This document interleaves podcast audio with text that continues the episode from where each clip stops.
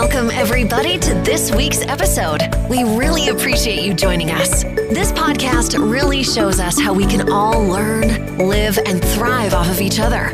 By sharing our knowledge through our conversations, we will impart some knowledge whilst learning ourselves how to progress even further. Here is your host,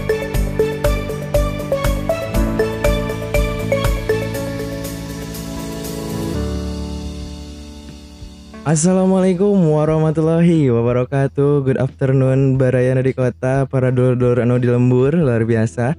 Kembali lagi di Ayam Podcast Barengan sama Iyam Dan tentu saja host luar biasa keren Ada Mang Aid di sana. Assalamualaikum Mang Aid. Waalaikumsalam Pak Iyam. Kumaha damangna Pak Iyam damang? Alhamdulillahirrahmanirrahim Alhamdulillahirrahmanirrahim Setelah episode 1 dan 2 yang cukup sangat penyayat-nyayat hati di Ayam Podcast mungkin ya Iya. Kita di episode ketiga ini kita nggak akan bikin para listener eh, menangis lagi Mang Aid Kenapa tuh? Karena di episode ketiga ini kita akan luar biasa berbincang secara serius dan juga secara mendalam ya anjir. Kita Mengenai berusaha untuk ya? ber- eh, berbicara serius gitu ya. Enggak tuh berbicaranya tara serius wae gitu. Heeh, Itu tuh ngalor ngidul sangat- wae gitu ya. Ng- ngalor ngidul wae lah, tapi tenang naon lah kita kan sesuai tagline Ayam Podcast bahwa ngalor ngidul kan sing penting akur gitu. Sing penting akur. Sing Nice penting good. akur. Nice good, beda sih mantap. Untuk di episode ketiga ini judulnya juga udah keren coy anjis parah ini mah. Bincang bareng Presma. Oh, anjir. Anjir, bareng Presma ya. Ya, Presma teh 24 kas. 24 karat kas ini kemewahannya 24 ini. karat. Oke. Asli. ya jadi buat para listeners yang mungkin beda-beda penyebutan juga ya. Hmm? Penye- beda-beda penyebutan di daerahnya mungkin kalau di daerah kami namanya adalah Presma itu seorang mahasiswa yang eh, berbeda lah yang berbeda Hmm. pastinya dan beliau sekarang men- menduduki jabatan sebagai seorang presiden mahasiswa anjis keprok dulu lah Keprok heula tuh. Aya aya bedana kan. kade, kade bedana gitu. Ari- naon, naon, ari naon. Presma mah nomor hiji di mahasiswa. betul. Hari rektor mah kan nomor hiji di universitas. Eta perbedaan. Oh, nya nya. Jauh-jauh. Dan juga perbedaannya kalau dia nomor satu di hati aku itu Woi. Cenah rek serius. Nah, Rujit bucin pak. ya, iya iya. Astagfirullahaladzim. Sebelum dipanggil presnya sebelum dipanggil presnya mah nggak apa-apa pak. Nggak apa-apa nggak apa-apa. eh, nanti pas kalau iya. udah ada pres mah anjis. Kade yang mana bahaya Kadenya eh. Kamu nanti kalau ngomongnya ngalonyeng bahaya sama pres jadi Dieksekusi gitu ya.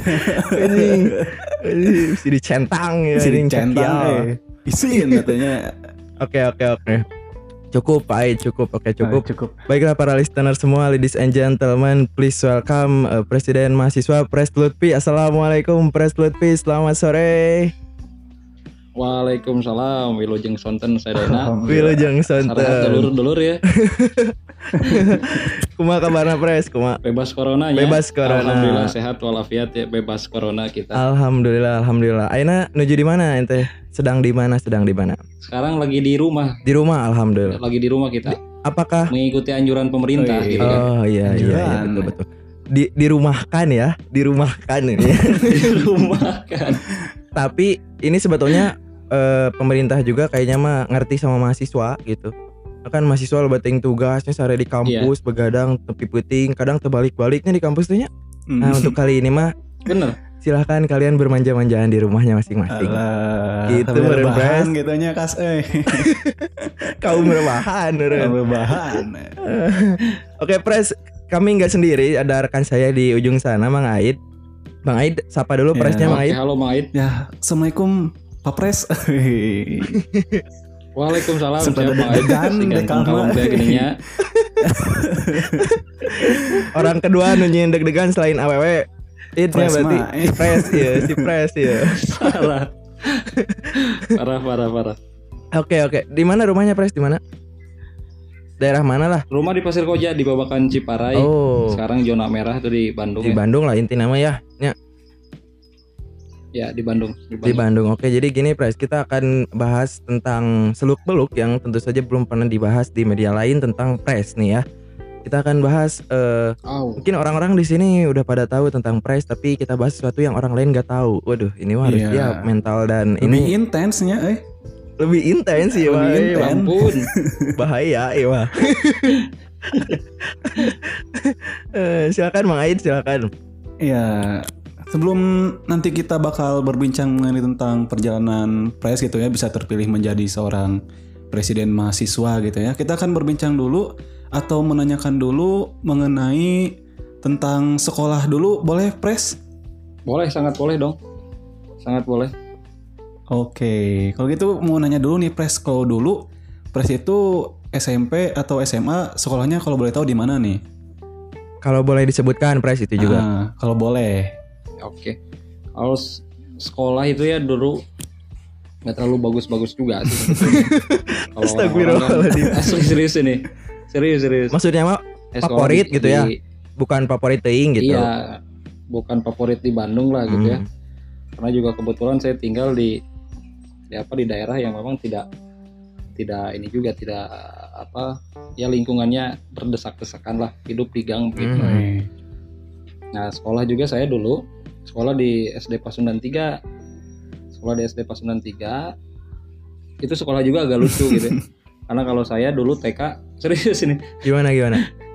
Dulu jadi dulu TK, TK dulu itu umur baru masuk TK itu umur 6 tahun. Umur Hmm. 6 tahun. Lalu beres TK jadi masuk ke SD itu umur 7 tahun. Hmm. Umur 7 Hmm. tahun. Jadi kan agak sedikit inilah tertinggal secara umur. Terus SMP juga nggak terlalu bagus-bagus banget, bukan favorit di kota Bandung. Kalau disebutkan juga mu- mungkin teman-teman nggak akan banyak yang tahu ya. Di gitu. Manten. Saya SMP di Swadaya di Swadaya 1. Oh, SMP di Swadaya Oh, 1. tahu tahu. Tepatnya di Jalan Peta, di Jalan Pasir Koja, dekat rumah lah gitu ya. Hmm. Terus juga SMA juga nggak terlalu baik, Pak. Nggak terlalu bagus-bagus banget. SMA di Pasundan 3 di Jalan Gardu Jati itu. Oh iya Jadi iya. eh, iya di pengalaman saya selama sekolah atau cerita semasa kanak-kanak sampai ke masa remaja itu nggak terlalu inilah nggak terlalu bisa dibanggakan. Tapi ada ada satu hal yang menjadi semangat bahwa mau di mana pun kalian sekolahnya, mau di mana pun kalian menempa ilmu, tapi tetap rasa kemanusiaan dan kepedulian terhadap sesama atau memupuk harapan itu harus tetap ada dalam setiap diri manusia masing-masing. Wih, Anjir, that's good, gitu, Bener emang Pres mah teh Jelas kieu price. sudah terpupuk dari SMP SMA iya mah eh. Bener price eh asli duh. Kieu. Orang ngadadak terhipnotis kieu eh. Bener emang. Jadi memang harus Tapi begini, Oh gimana gimana? saya agak mungkin agak beruntungnya sekolah di di Pasundan 3 itu Hmm. Di Jalan Gardu Jati saya dapat lingkungan atau teman-teman yang memang mereka punya ini, mereka punya semangat yang sama gitu. Oh iya iya iya. Saya banyak menge- eh, banyak mengenal tokoh-tokoh dunia itu sejak SMA. Contoh kayak Tan Malaka, Munir, Hmm. lalu apa Marsina, Malcolm X, eh, Abraham Lincoln. Itu dari SMA karena teman-teman saya eh, dari SMA juga suka baca buku. Nah bukunya juga memang yang bukan yang enteng-enteng. Kalau menurut umuran yang Hmm, SMA hmm, gitu ya, baca buku Tan Malaka itu atau baca buku yang yang apa berbicara terkait gerakan gitu ya, itu kan berat ya. Tapi di sana saya jadi agak hafal gitu, agak agak mengenal tokoh-tokoh dunia berbicara terkait perubahan di zamannya masing-masing gitu. Itulah untungnya gitu. Hmm, hmm, hmm. Oh gitu ya. Jadi buat para listeners itu benar banget yang kata Pres tadi bahwa memang sebetulnya eh, di balik sekolah favorit itu sebetulnya lingkungan lah yang lebih mendukung sebetulnya Pres ya. Hmm, betul yang sekali. lebih Betul. memben- Iya. membentuk diri kita tuh sebetulnya lingkungan itu salah satu faktornya selain ilmu pengetahuan yang didapat gitu ya. Iya, betul. Karena mungkin sekolah favorit itu terlahir sudah favorit dari dulu gitu. Jadi kalau kita bicara masalah kualitas guru ya jangan sampai dibedakan lah kualitas guru sekolah A dan sekolah B gitu karena semua guru pun semuanya sama-sama mulia di mata Allah mah gitunya. Dulu berat. Oh nama Pres ahli bahasa Cirian ya Mang Jono. Oh, nama- Bener Ilham Jono terbaik. Eh, eh, tapi ser- serius pres asli gitu pres. Jadi ya, Iya bener. jangan sampai kan ayo nama nepikeun ke non sih stres oke gitu karena ataupun terkucilkan ataupun malu gara-gara orang termasuk Iya. sekolah favorit kan itu tuh bukan sebuah problem gitu kawan-kawan tuh sebetulnya mah itu mah gengsi anjir Gengsi ya ya namanya. Geng, ah benar itu. Gengsi. Yang dapat membunuh manusia selain selain apa ya selain eh, umur yang udah tua juga gengsi itu yang bisa membunuh manusia. bener banget bener banget asli Bener. Gengsi, stres kan akhirnya bunuh diri dan lain sebagainya lah gitu ya. Mm, mm. Hmm. Nah terus itu di sana di sekolah dulu di SD SMP atau SMA Hmm. apakah kayak Mang Aid nih aktif berorganisasi ini menjadi ketua osis gitu Oh, keren pisan gitu malah kalau saya Kalau OSIS eh. kalau saya sebaliknya malah kalau di sekolah kumaha Kalau sekolah malah sebaliknya. Jadi kalau saya di keluarga itu salah satu ya anak yang tidak inilah tidak apa berbeda dengan kakak-kakak yang lainnya ya gitu. Kalau kakak pertama sampai ketiga itu mereka sekolah di negeri-negeri. Nah kalau saya sekolah dari SD sampai SMA di swasta terus kan, di swasta terus. Nah juga di SMA saya nggak terlalu aktif di organisasi, malah memusuhi organisasi. Saya nggak suka sama osis gitu Hmm. saya nggak suka sama pengurusnya nggak suka sama dengan dengan apa dengan cara mendidiknya begitu jadi selama sekolah saya nggak nggak berorganisasi malah tapi sih kalau menurut saya ya lebih bagusnya ketika masa remaja atau masa sekolah itu juga diisi dengan hal-hal yang positif ya salah satu contohnya adalah berorganisasi masuk osis masuk pramuka atau masuk eh, PMI gitu ya biar bisa memupuk solidaritas dan memupuk kepedulian gitu nanti di, di masa-masa ketika kita dewasa gitu. Hmm. Oh. Jadi dulu pres Nah. nggak ikutan OSIS tapi ikutan itu pramuka ikut dulu sempet. Kalau di SMP, Oh, di di, SMP SMA mah enggak. ikutan Kalau di SMP iya, ya ikutan pramuka. Ikutan pramuka SMP-nya. da, da wajib eh mana ait pramuka dulu oge Ya, Saya mah bener, iya wajib. Wajib henteu. SMP. rek rek rek budak bangor wajib. oge da ngiluan pramuka mah wajib angger eh mana Mun SD pugu di saya mah mun Iya, SMP mah oh mun henteu. S- oh SD mah puguh nya unggal Sabtu Heeh. Kayak baju pramuka Sabtu gitu. per, perkema iya persami gini anjing perkemahan saminggu Mandi hante. Heeh, mandi hantu. Ya tuh ngaranna ge gitu lah. Tapi tetap sih ya di uh-uh.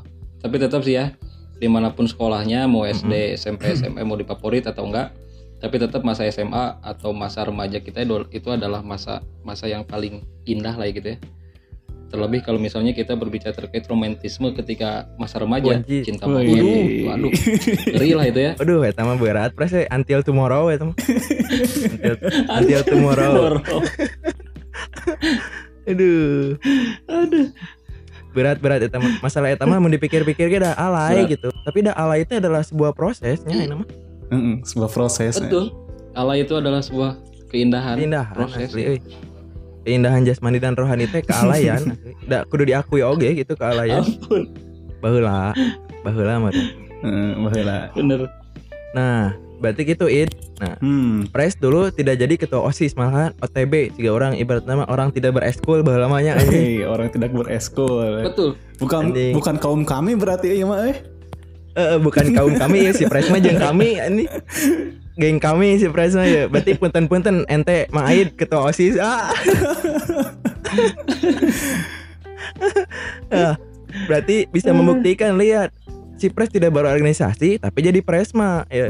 Mang Aid ya sudah ada track record ya di SMA sebagai ketua OSIS tidak salahnya tahun depan untuk menyalonkan ya. Hai, cocok gitu cocok cocok Insya cocok Allah jika mendukung. Soalnya Pres Ayeuna kan Eta kan masih semester 6 gitu Masih semester 6 Berarti Uh. cocok lah tahun depan mah udah.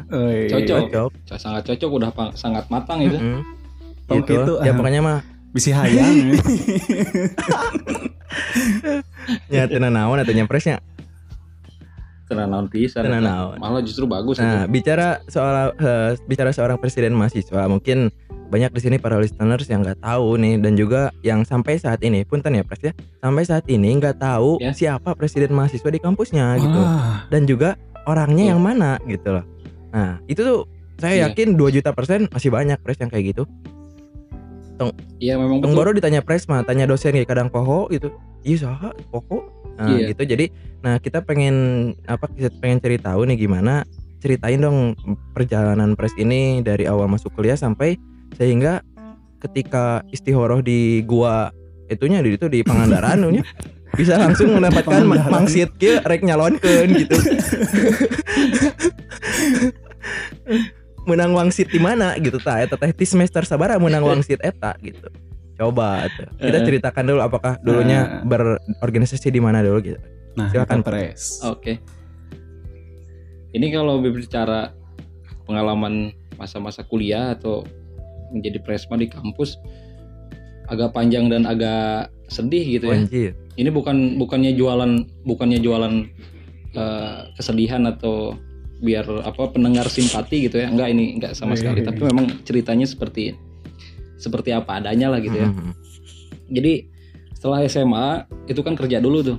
Kerja dulu selama setahun, kerja jadi sales, Hmm. jadi customer service lalu kerja juga pernah jadi kuli bangunan selama satu minggu tuh ngebangun bank CIMB di Jalan Merdeka ah, serius jadi setelah itu ditawari oleh kakak mau kuliah nggak katanya nah waktu itu saya udah punya kerjaan yang memang udah UMR gajinya. Ulu. dan juga ada bonus-bonus yang ah, bonus-bonus yang agak lumayan lah gitu. Akhirnya saya tolak nggak mau saya nggak mau kuliah. Terus ditawari lagi ketiga kalinya mau kuliah nggak? katanya. Ah nggak kak nggak mau kuliah. Saya udah punya apa udah bisa inilah udah bisa ngasih eh, uang ke ke orang tua waktu itu. Terus dia tawari lagi ketiga kalinya mau kuliah apa enggak gitu kan. Emang apaan sih kuliah? gitu kan. Karena saya dulu SMA di ya tidak favorit di Bandung juga tidak menunjang kepada hal-hal yang sifatnya itu eh, jenjang pendidikan yang baik gitu ya. Jadi saya nggak terlalu tertarik untuk kuliah gitu. Tapi pas di tawaran yang ketiga itu saya nanya emang kuliah itu ngapain? gitu kan. Akhirnya saya di, di apa diajak ngobrol sama kakak secara serius bahwa ya kuliah itu adalah untuk masa depan kamu nanti ke depan gitu menunjang ma- masa depan bahwa kamu dan nanti eh, apa anak-anakmu gitu ya kalau kamu beristri ya kamu harus bisa memberikan masa depan yang baik untuk anak istri kamu. Katanya gitu. Akhirnya kan terbuka tuh pikiran gitu ya kan. Terbuka pikiran terbuka wawasan bahwa wah ternyata memang pendidikan itu penting gitu. Nah akhirnya saya memutuskan oke deh saya kuliah. Nah kuliah lah ya. Kuliah. Nah ini daftarnya juga agak agak ya, agak apa ya? Ya agak melankolis lah gitu kalau diingat-ingat.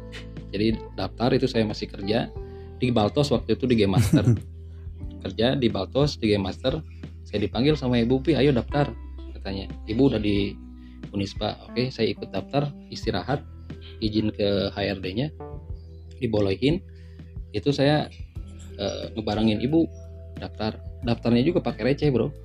Pakai receh uangnya gitu ya daftar gitu 9 juta.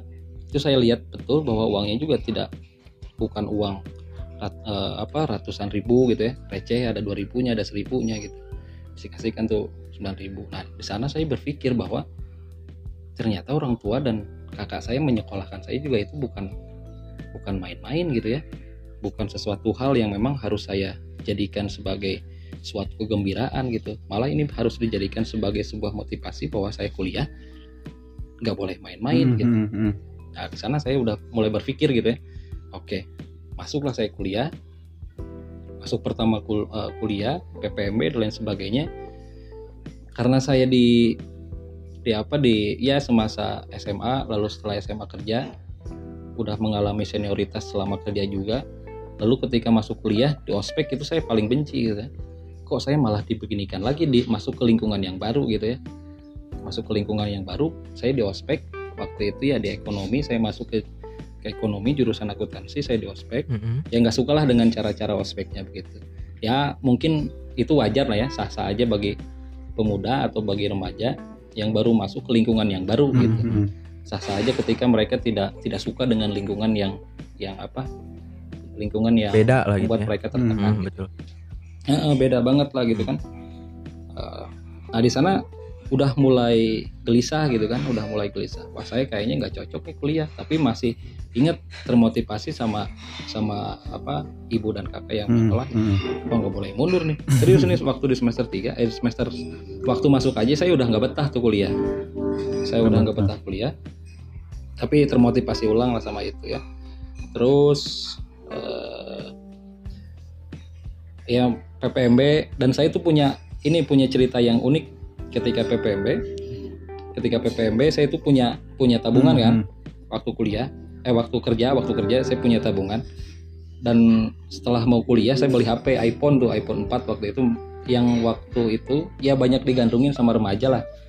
Saya beli tuh HP baru beberapa hari baru tiga hari saya ikut PPMB hari ketiga HP itu hilang. HP hilang. Dan saya pulang-pulang mesem dan nggak mau ngomong gitu ya dan saya nggak mau lagi ikutan PPMB karena HP hilang gitu. Akhirnya ya ibu dan bapak juga marahin ngapain kamu? Kok HP hilang malah jadi gak semangat gitu kuliah? Hmm. ya wajar namanya remaja gitu ya. HP itu penting gitu untuk ya untuk sekedar eksis gitu atau sekedar untuk Asli ya. eh eh, kan ya begitulah ada nilai prestisnya tersendiri untuk untuk kita remaja gitu ya. HP itu hilang kan ngeri ya. Saya selama PPMB sampai ke mau masuk ke semester 1 mulai kuliah itu nggak pegang HP sama sekali. Hmm. dan saya itu full semua materi PPMB dan semua perlengkapan PPMB saya nggak nggak punya akses. Nggak ada akses sama sekali dan nggak tahu sama sekali. Tapi saya tetap ikut PPMB jadi misalnya contoh eh, hari ini bawa makanan A B C D Hmm. bawa perlengkapan A B C D saya nggak bawa sama sekali karena saya nggak tahu. Ini setiap hari itu PPMB dimarahin wah disuruh push up disuruh apa menghadap ke menwa dan lain sebagainya.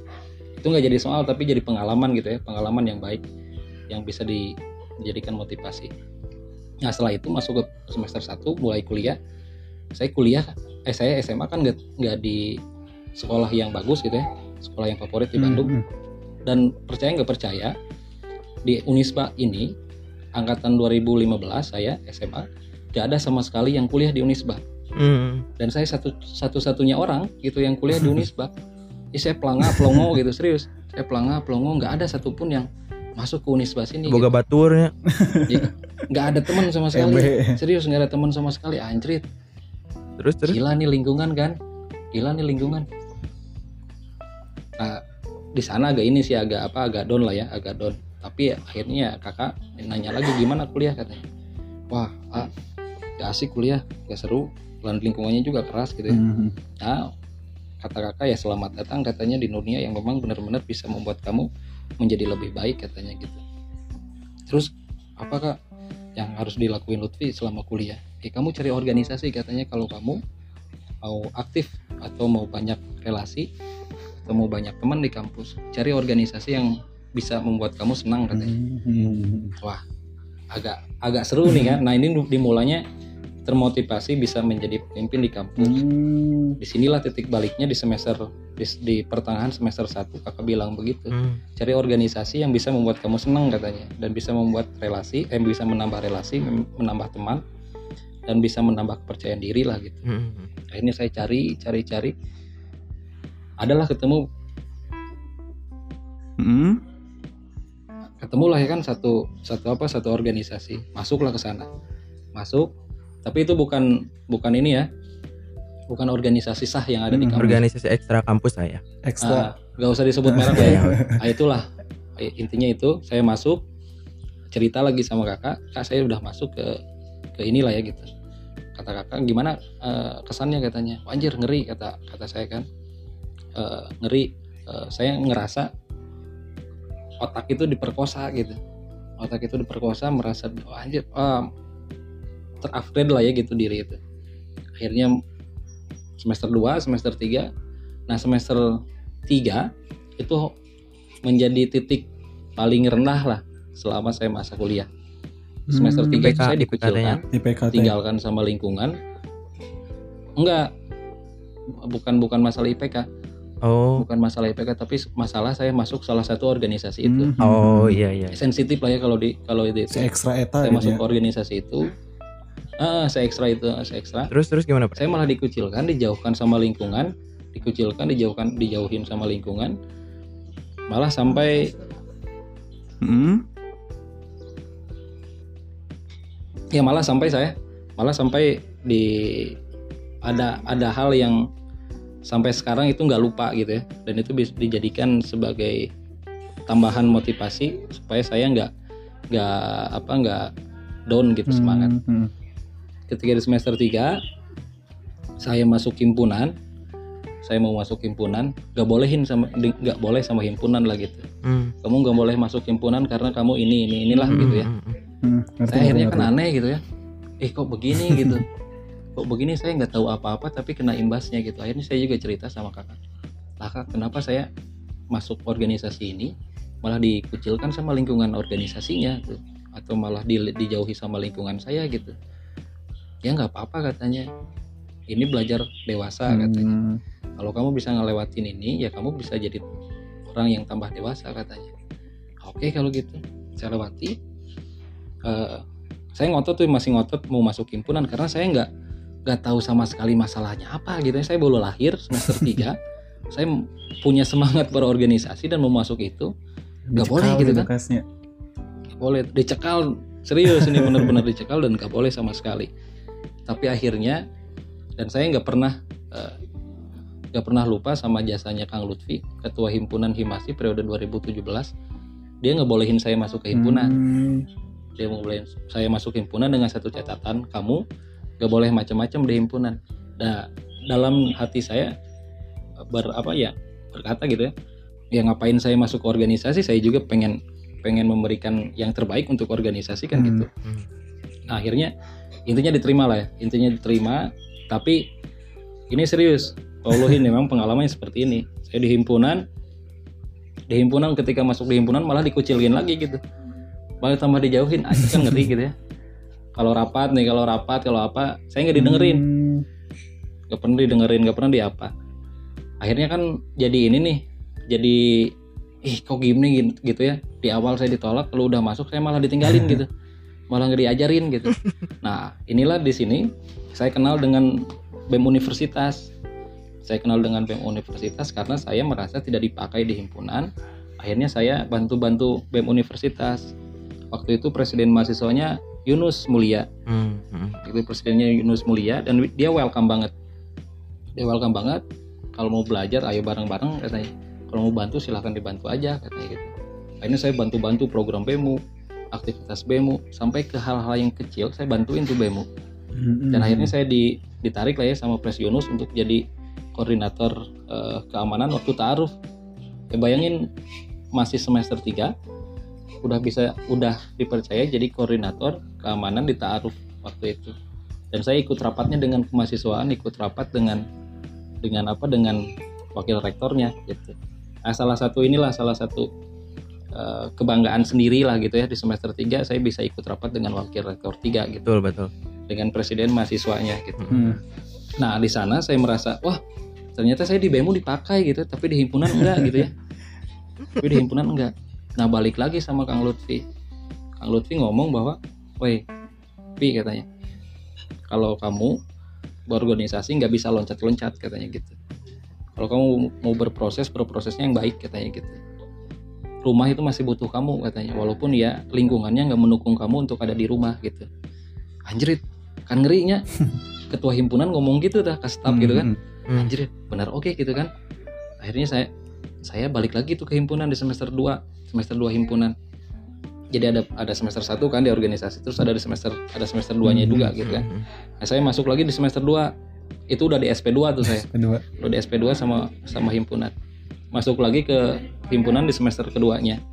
Masuk tetap begitulah perlakuannya. Saya perlakuannya begitu nggak ya ya nggak menyenangkan lah gitu ya.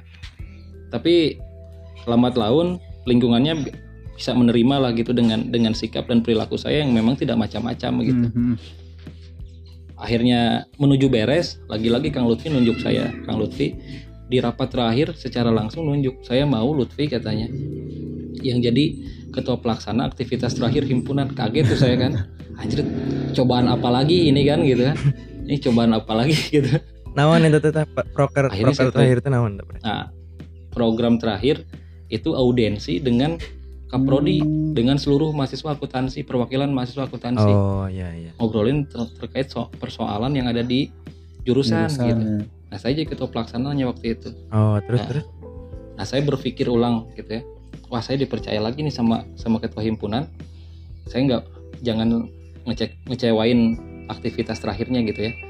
Akhirnya saya konsep dengan sebaik mungkin tuh sampai keliling ke ya ke orang-orang yang menurut saya bisa bisa men- bisa eh, apa memberikan solusi terbaiknya lah gitu atau saran yang terbaiknya akhirnya keliling saya tuh dapetin konsep beberapa konsep saya tampung semua saya ajukan ke Kang Lutfi begini begini begini Kang. Oke ACC katanya Vi nanti tinggal teknisnya aja dipikirin. Oke.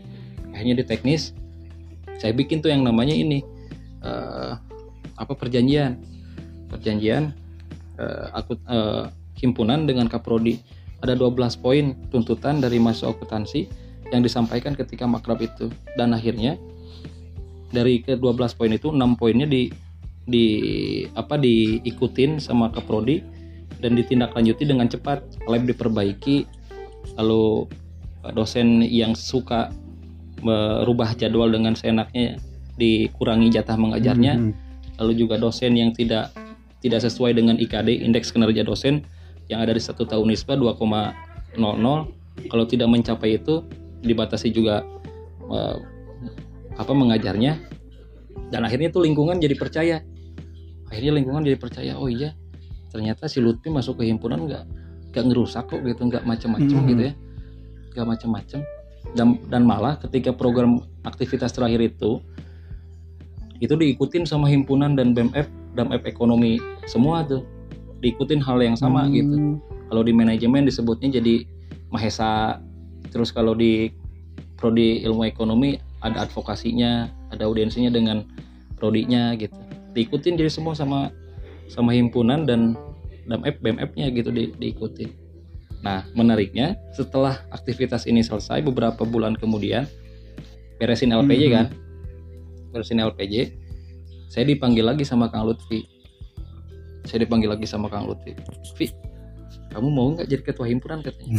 Lit, cobaan naon deh ya nah jero hatenya ya gelo ya mah geus cukup cukup. Orang gitu geus ngarasaan anjir dihina gitu ya. Geus cukup lah gitu. Saya berorga tadi nama geus mau di geus mau di organisasi dan geus anjir ngeri bro Ngeri, gitu. Cobaannya berat lah gitu untuk Hmm. eh eh, aslina untuk orang yang nggak punya pengalaman mah gitu. Anjir ngeri pisan gitu. Ah enggak kang saya nggak mau jadi ketua himpunan. Saya mah mending mending fokus kuliah aja. Oh ya udah. Waktu pertama diudahin sama kang Lutfi. Oh ya udah katanya. Kalau bisa pikir-pikirin lagi aja katanya. Ya siap kang. Ya beberapa beberapa bulan eh beberapa minggu kemudian ditanya lagi Vi udah kata kata si kang Lutfi ya udah kamu cocok katanya jadi ketua himpunan. Anjrit enggak kang kata saya kamu saya jadi ketua himpunan. Mending saya mah bener serius pengen fokus kuliah pengen cepet eh, apa lulus kuliah. Enggak katanya kamu cocok jadi ketua himpunan. Oh ba- dikasih inilah dikasih wejangan dikasih ini. Akhirnya saya mau tuh Hmm. Saya akhirnya mau daftar waktu itu lawannya 2014 2014 saya 2000 2015 kata kakak tingkat lah lawan Hmm. saya. Dan memang sesuai budaya di, di himpunan itu setelah 2013 yang menjabat harusnya 2014 kan Hmm. gitu. Nah saya nyalonin diri. Nah saya di tengah-tengah jalan ketika nyalonin berpikir anjir ini mah saya ditimbalin nih kayaknya sama sama si Kang Lutfi gitu kan. Saya mah eh, ini himpunan biar nggak ada ini aja gitu biar nggak calon tunggal aja biar jadi saya dicalonin gitu. Wah parah gitu kan. Lawannya 2014 lagi yang senior gitu cutting. Kan ngeri ya. Tapi ya Allah mentakdirkan lain gitu bahwa ketika kita punya ikhtiar yang maksimal lalu punya harapan dalam hati yang pengen memperbaiki keadaan ya juga pasti Allah itu pasti bantu gitu ya. ya pasnya. dan akhirnya saya menang lah gitu ya. Mm-mm, permudah saya menang akhirnya. Saya menang dibantu dengan teman-teman seangkatan dibantu dengan ya teman-teman yang sampai saat ini juga terus komunikasi dan baik hubungannya gitu. Akhirnya menang lah. Nah di sini juga ngeri bro. Udah beres jadi ketua him eh, udah beres menang di pemilu. Saya ditinggalin itu sama himpunan sama pengurus-pengurus himpunan. Karena budayanya begini. 2013 Hmm. yang ngejabat berarti pengurusnya ada dua, ada dari 2014 sama 2015 Hmm.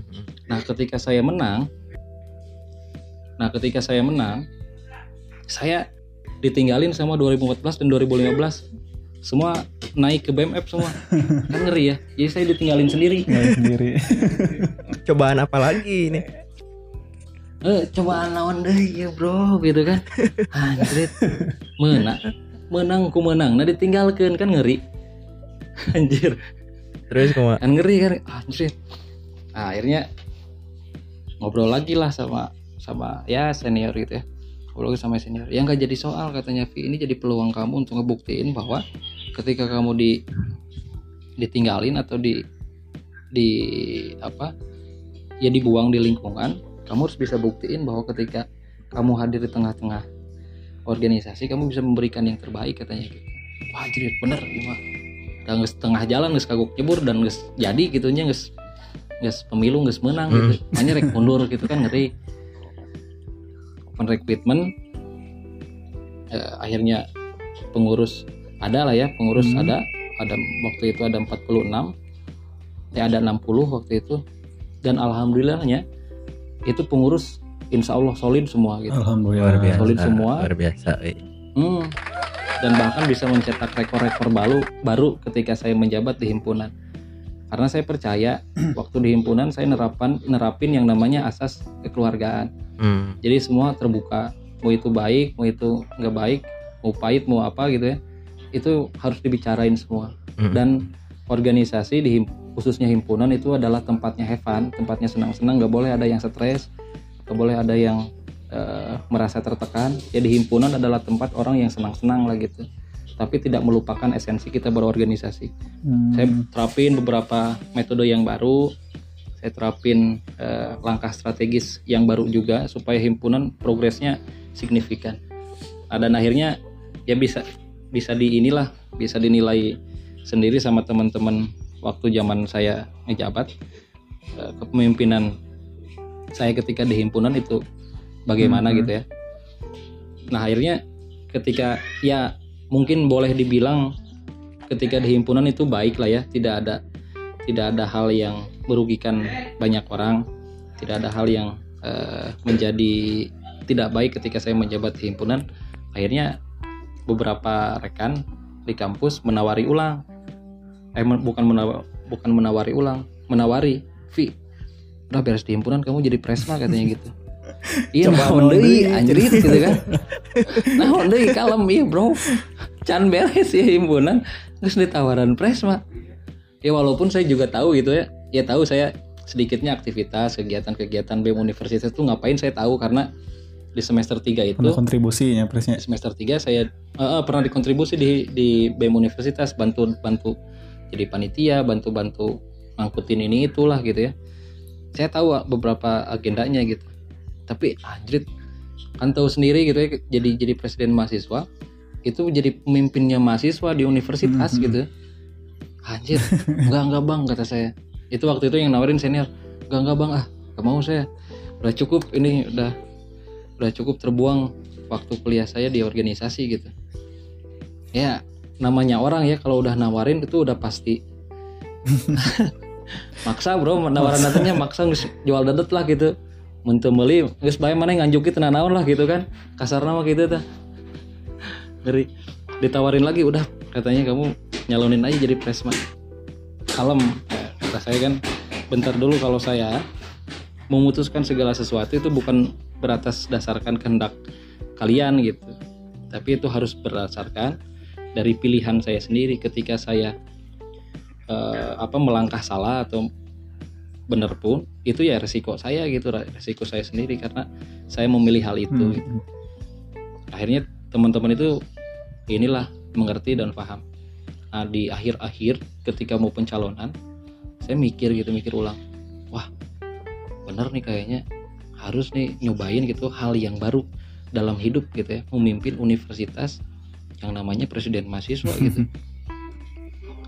akhirnya saya berani tuh ber- ngeberaniin diri lah ya artinya ngeberaniin diri. Tapi saya juga tetap cerita ke kakak gitu. Cerita ke kakak eh, gimana sih presiden mahasiswa gimana sih jadi pimpinan mahasiswa? Dan kebetulan kakak juga punya pengalaman yang sama gitu di organisasi. Pengalaman pernah ikut organisasi lah ya gitu. Dapat lah sharing-sharing gitu. Akhirnya saya ngeberaniin diri untuk masuk ke eh, oh ya untuk daftar presiden mahasiswa. Daftar presiden mahasiswa. Dan itu juga nggak mudah. Prosesnya sangat panjang dan sangat berliku. Pengalaman yang didapat juga banyak banget. Eh, mau dibilang miris mau dibilang seneng mau dibilang apa? Ya terharu campur aduk tuh ketika nyalonin jadi presiden mahasiswa emang dinamikanya ngeri. Nah itu terlalu panjang lah ya kalau diceritain dan intinya saya saya inilah saya bi- bisa diamanahi atau dipercaya sama sama teman-teman mahasiswa Unisba untuk jadi presiden mahasiswa gitu. Hmm. itulah bro. Terlalu panjang untuk diceritai proses ketika calon mencalonan diri di Presma mah ngeri gitu ya. ngeri. Ngeri ngeri tapi ngeri tapi gini pres eh tadi memang udah banyak diceritain juga ya buat teman-teman. Jadi sebetulnya motivasi itu datangnya dari dalam dan dari luar gitu. Jadi tadi bisa dilihat juga bahwa betul. Pres ini tuh untuk mengajukan diri juga atas dasar dorongan orang lain.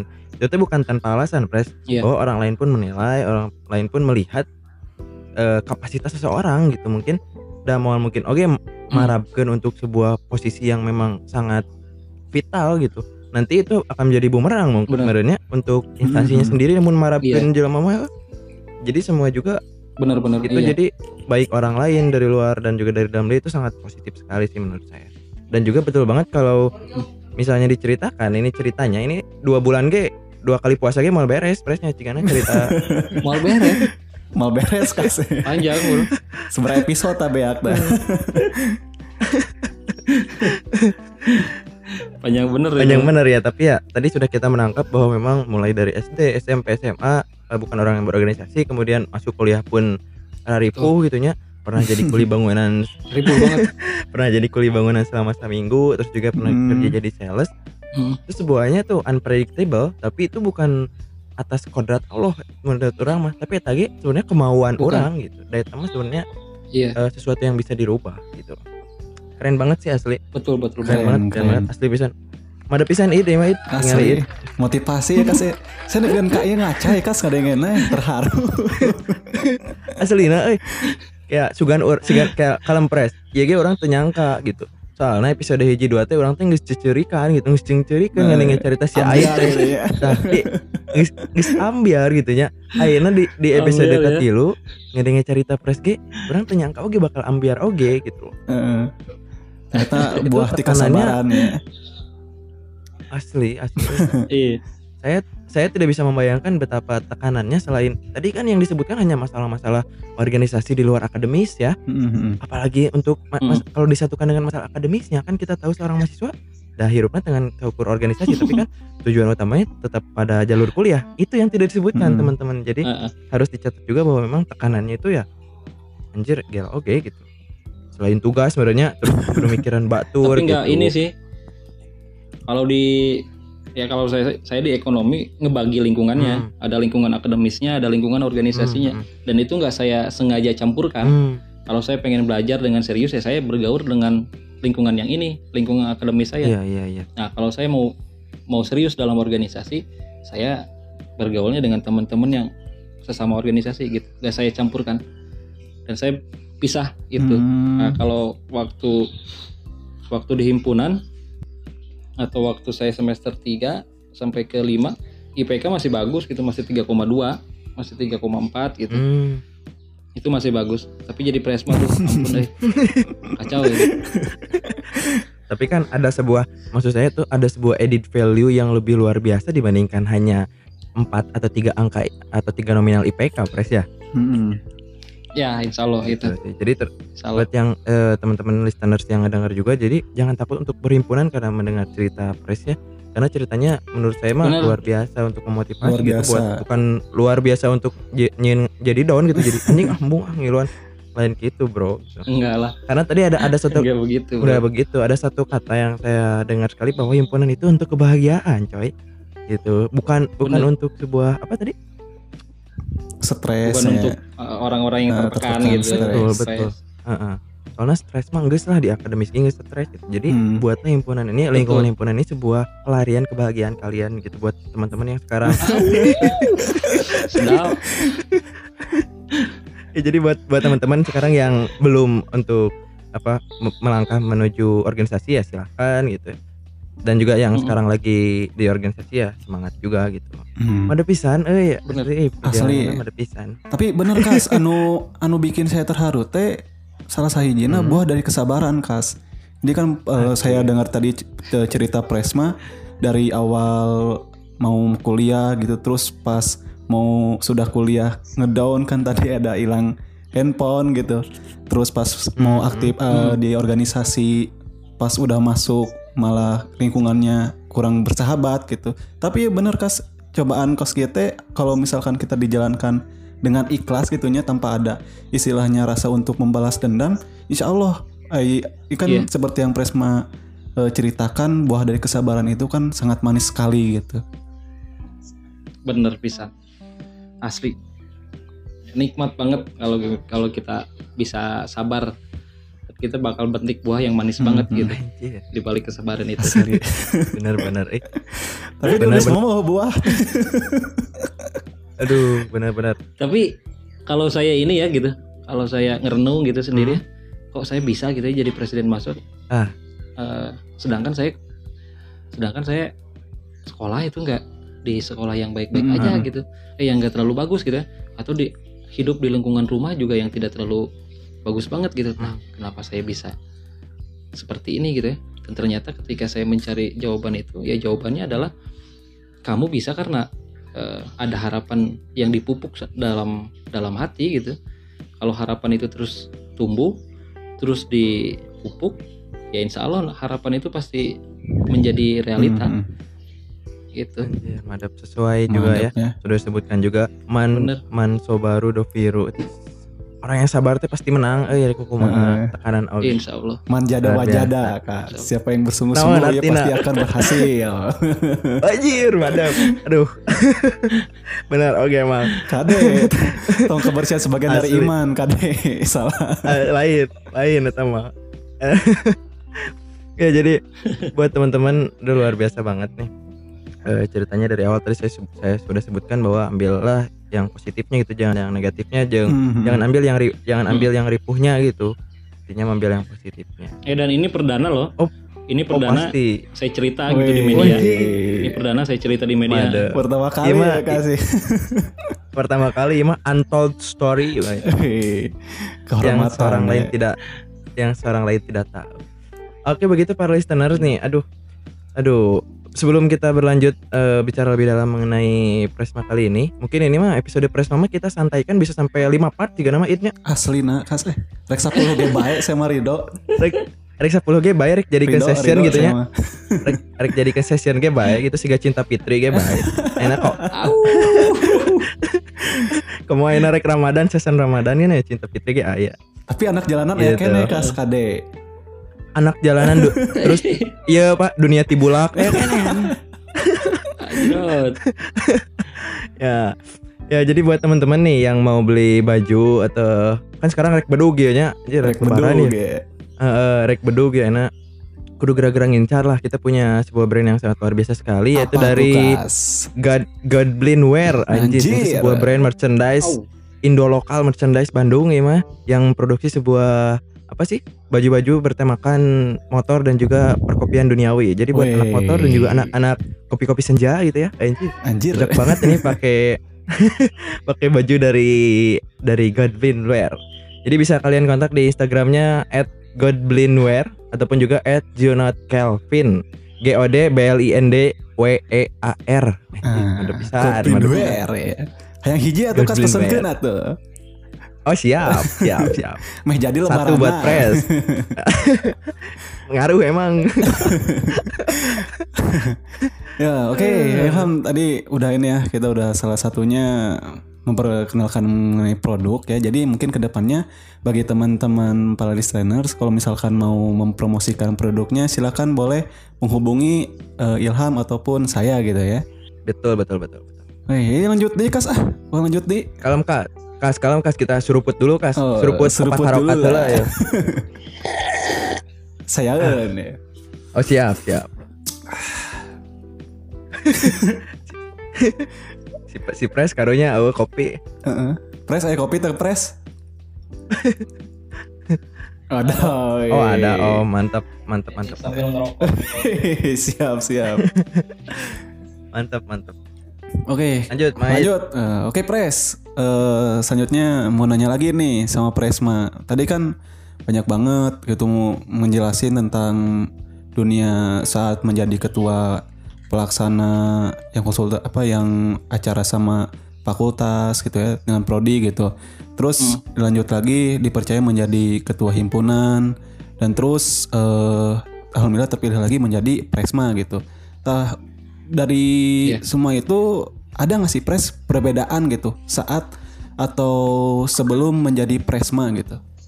pasti ini sih pasti ada ya gitu. Pasti ada.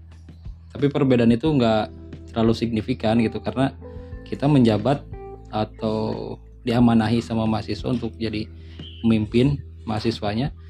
Itu malah harusnya bukan diartikan sebagai sebuah peluang kita menjadi orang yang berkuasa gitu tapi seharusnya itu jadikan kita sebagai peluang untuk bisa memberikan yang terbaik untuk lingkungan organisasinya gitu Nah kalau berbicara terkait perbedaannya nggak hampir ini sih nggak terlalu signifikan gitu, hampir nggak terlalu signifikan. Nggak terlalu signifikan ya. Tapi ya terkecuali ya bedanya ketika jadi mahasiswa biasa yang tidak organisasi atau terus jadi ketua himpunan lalu jadi presiden mahasiswa ya pasti dengan ininya eh, intensitas ketemu orang Hmm. Bertemu dengan siapa itu pasti berbeda Hmm. berbeda kualitasnya berbeda ininya apa eh, apa ya jabatannya Hmm. gitu senang Seneng. gitu sangat senang banget jadi ya aktif di organisasi karena bisa bertemu banyak orang Oke oke oke. gitu Dan yang pasti mah positif barunya presnya perbedaannya gitu. sangat positif banget sangat positif banget positif banget Oke. Ya jadinya pira kowe uh perbedaan nama tuh kan aneh gitu nya. Men uh perbedaan padahal iya benar pasti ada sih, pasti ada ya kan kesibukan gitu pasti nambah. Ya presnya. iya pasti itu pasti ada perbedaannya Ya. yang dirasakan atau yang dilakukan itu pasti ada Nah, terus kemudian gini pres. Tadi kan perbedaannya dari dalam diri mungkin ya dan juga dari dalam ya Hmm. sosial gitu lah, sosial.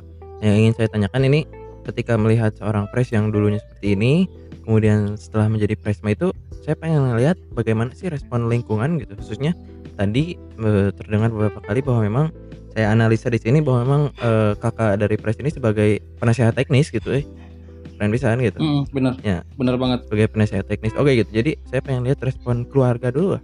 Respon keluarga dulu melihat anaknya sebagai seorang presiden mahasiswa itu gimana, Pres? Yang pernah diliatin gitu. Apakah ente, apakah biasa? Mm. Kalau keluarga mah kan udah tahu ya sebenarnya udah tahu mereka wah si Lutfi pengen jadi presma gitu. Dan saya juga waktu nyalonin jadi presiden mahasiswa nitip doa ke ibu gitu. Setiap saya pulang ke rumah bu doain ya jadi presma bu doain jadi presma. Nah sampai ke ibu umroh juga saya titip doa bu nitip nanti di rumahnya Allah doain saya untuk jadi presiden mahasiswa. Mhm. Nah mungkin doa itu juga yang menjadikan saya jadi jadi presiden mahasiswa mungkin ya gitu. Bisa bisa. Hmm. Nah kalau heeh, kalau keluarga nggak ini sih ya keluarga eh, tanggapannya wah bisa nih kamu jadi presma gitu. Gimana caranya gitu kan? Gimana caranya? Gitu. Kalau kakak sih pasti nggak terlalu ini nggak terlalu apa nggak terlalu kaget lah gitu karena ya dia tahu betul perjalanan saya atau tahu betul perjuangan saya ketika kuliah lah gitu. Hmm, hmm, hmm, hmm.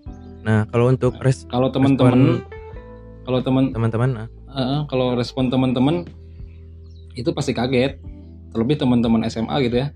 Teman-teman teman teman-teman SMA pasti kaget. Anjrit, hasil Lutfi bisa jadi iya pimpinan mahasiswa asna di SMA Baragajul kan.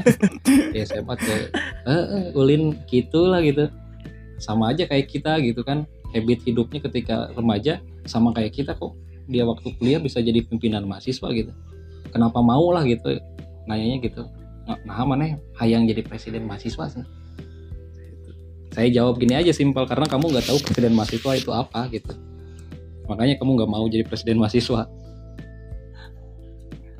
gitu bro Mhm. Oke. Ini responnya beda-beda nya kesnya. Nyapresnya beda-beda gitu Asli. ya responnya. Ya, sangat beda-beda banget Hmm. Nah, tadi kan pres eh, tadi ada tanggapan atau nya atau misalkan bagaimana sih reaksi dari keluarga atau dari teman mengenai tentang eh, pres Lutfi ini bisa menjadi seorang presiden mahasiswa gitu ya. Kalau untuk Iya. cobaan sendiri itu atau cobaan yang terberat gitu pres ya, saat menjadi presma ada nggak pres? ya pasti Hmm. banyak sih banyak banget anu itu pang berat berat Eh. pang berat berat berat berat nah Ya, paling berat nanti dihisap tuh kepemimpinan kita kan pasti dihisap tuh nanti nah nah nah nah nah nah wae Lutfis nah Anjir. ketika kamu memimpin di BEMU kayak di akhirat kan ditanya gitu tuh paling berat salah oke kas salah nanya kas tadi beratnya kalau tanggal bating nah nu Eh, paling berat berat mah eta bener Berat tungkul. Pernah nanya mah. berat tungkul euy. Berat tungkul. salah nanya ieu mah. Maksudnya gini Pres tadi. Yang ter- cobaan terberat ini mah nggak berat-berat berat-berat ya. Ya cobaan terberat yang pernah jadi pres mata sih Ini orang ieu wah bener-bener under pressure kumaha gitu. Di demo ku barudak mahasiswa misalnya. Nah, di demo gitu. Titah ti- titah titah turun misalnya. titah turun misalnya ente ah gitu. ada sih yang begitu ya. Ada tuh ada sih yang begitu yang udahlah ngapain eh, ini kepemimpinan presiden masa sekarang nggak baik gitu ya turunin aja turunin kayak kalau itu mah biasa gitu orang yang nge- ngekritik Hmm. ya nggak nggak apa-apa kita inian aja apa tanggepin aja dengan dengan kinerja tapi yang paling berat itu ketika sesuai pengalaman ya Mhm. yang paling berat itu ketika memimpin masa aksi Oh. yang waktu November itu itu ngeri banget tuh tekanannya sangat terasa Ya, ya. lalu juga wah itu ngeri banget lah Hmm. gitu yang paling beratnya adalah ketika memutuskan kita berangkat 20 orang ke Jakarta Hmm. Oh, dan menolak ribuan orang mahasiswa yang pengen ikut ke Jakarta asli. itu dihujat habis-habisan bro Oh. Benar-benar. wah ini presiden mahasiswanya nggak nggak ini katanya nggak pro terhadap mahasiswa nggak mau ngajak mahasiswa itu kalau misalnya mau diceritain gitu ya di Hah? sini kenapa ngambil 20 orang Mhm. dan seng- eh, dan sengaja tidak mau mengambil banyak orang ke Jakarta karena begini aksi itu kemarin itu bukan aksi yang kayak semacam kita Hmm, tahu hmm, gitu ya. Mhm. sekarang-sekarang bahwa aksi itu diikutin sama sedikit orang beberapa kali orasi lalu udah pulang gitu. Hmm. kalau yang kemarin itu kalau nggak punya pengalaman-pengalaman banget gitu ya kalau nggak punya eh, ya nggak kalau nggak punya ini nggak punya narasi yang jelas untuk pergi ke Jakarta taruhannya nyawa bro Hmm. taruhannya lu pasti ditangkap Hmm, gitu Betul betul.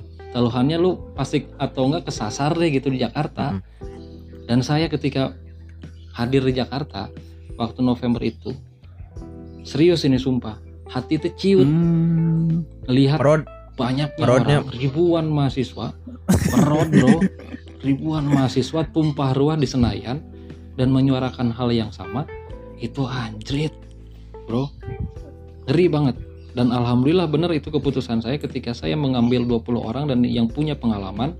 Dan rata-rata yang saya bawa itu Mhm. senior yang sudah punya pengalaman dalam aksi itu juga merasakan hal yang sama. Anjrit euforianya beda pres katanya.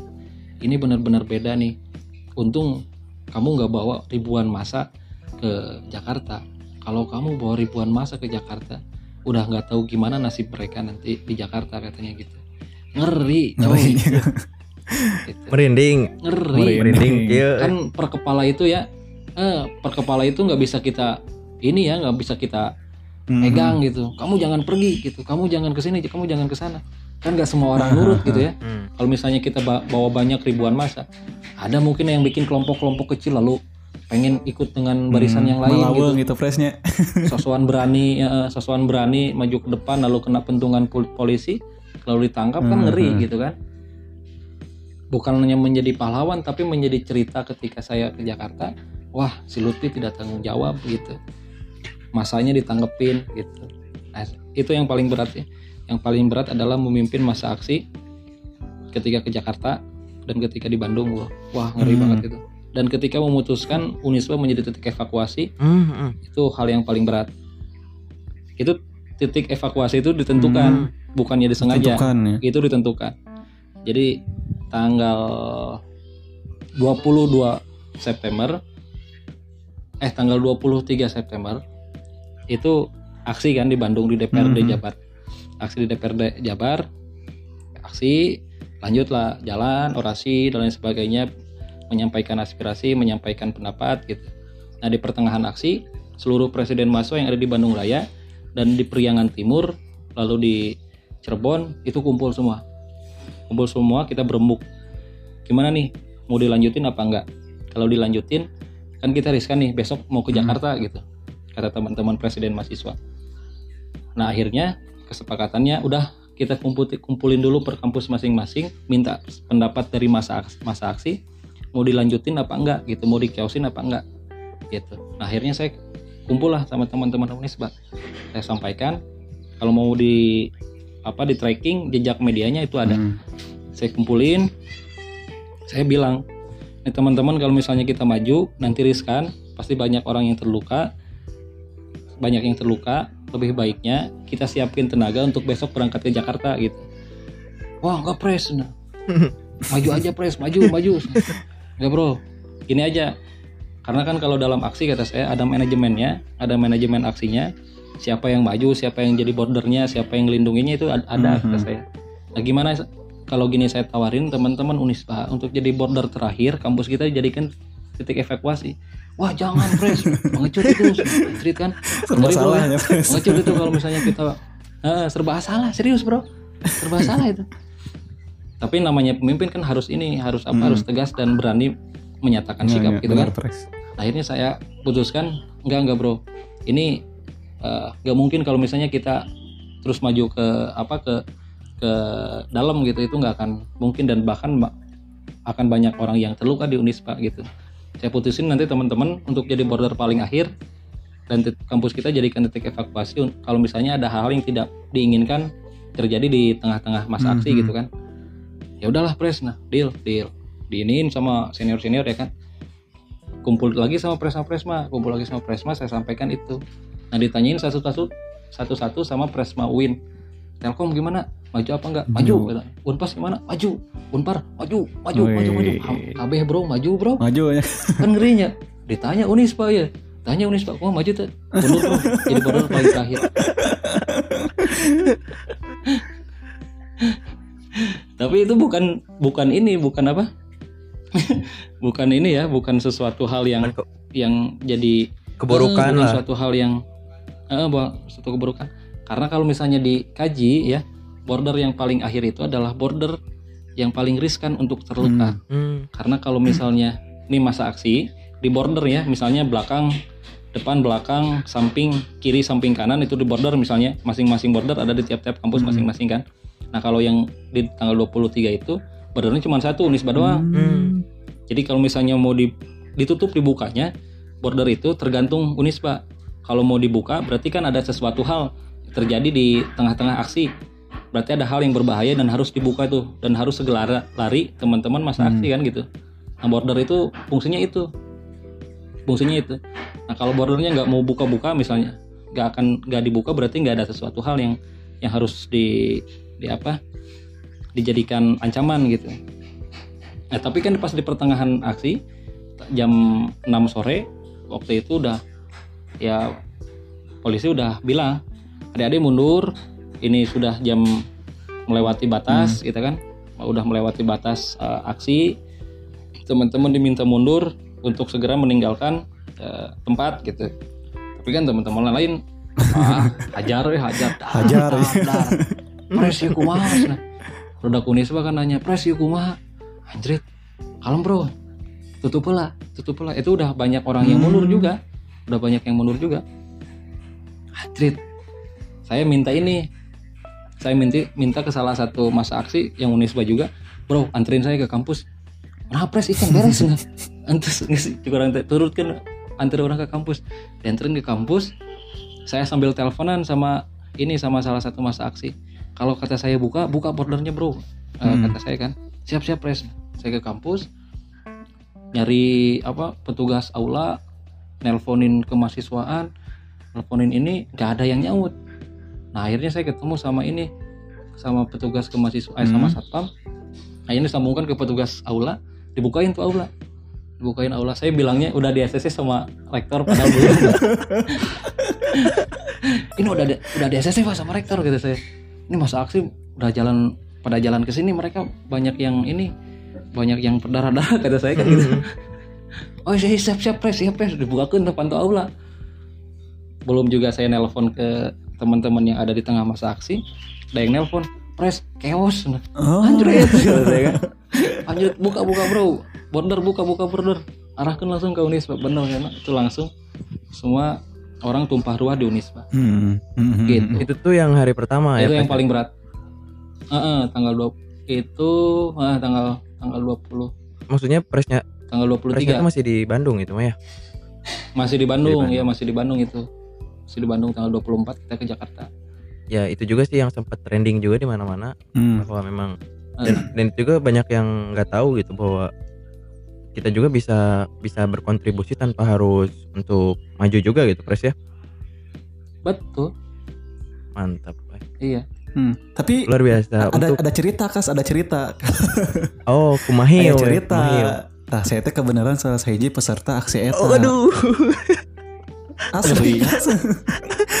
Jadi saya teh ingat kene, ingat kene, ingat kene itu teh pas kejadian chaos teh eh, Hmm. terjadi sebelum sholat maghrib.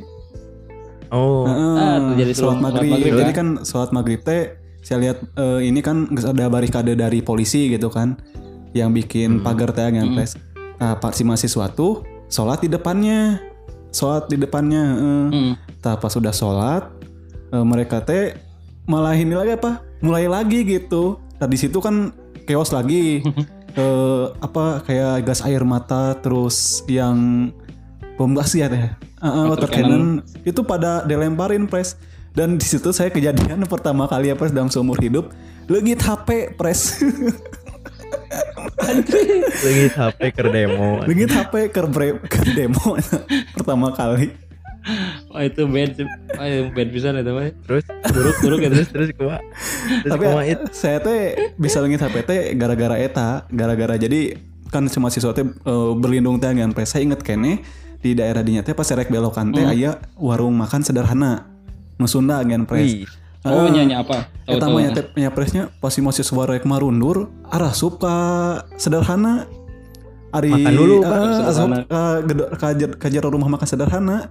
Ari si eta teh eh, si teh tapi berlindung, Pres. berlindung, oh berlindung berlindung. dengan orang teh dengan orang teh lapar pak sederhana Tapi aslinya kas, saya di dinya eh iya panik atuh nya eh, yang panik juga bom iya kan bom air mata di dinya ngabeledak eta kas.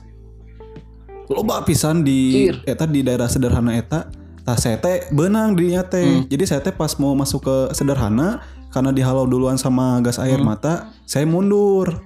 Tah pas mundur eh, ada orang kan di situ teh.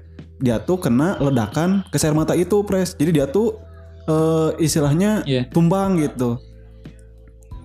Saya ingat dirinya ke sama teman gitu kan sama teman ngebantuin ke tempat evakuasi kan. Jadi kan sebelum dievakuasi ke Nisbate ada yang stay dulu geningan yang bawa ambulan, yang bawa motor, yang kerumunan-kerumunan. Tas saya teh bawa ke situ. Pas di perjalanan mau bawa ke situ ke kerumunan itu ya ke ambulan itu di depan mata pisan saya teh aya gas air mata oge pres ngebledak pisan eta dua kali.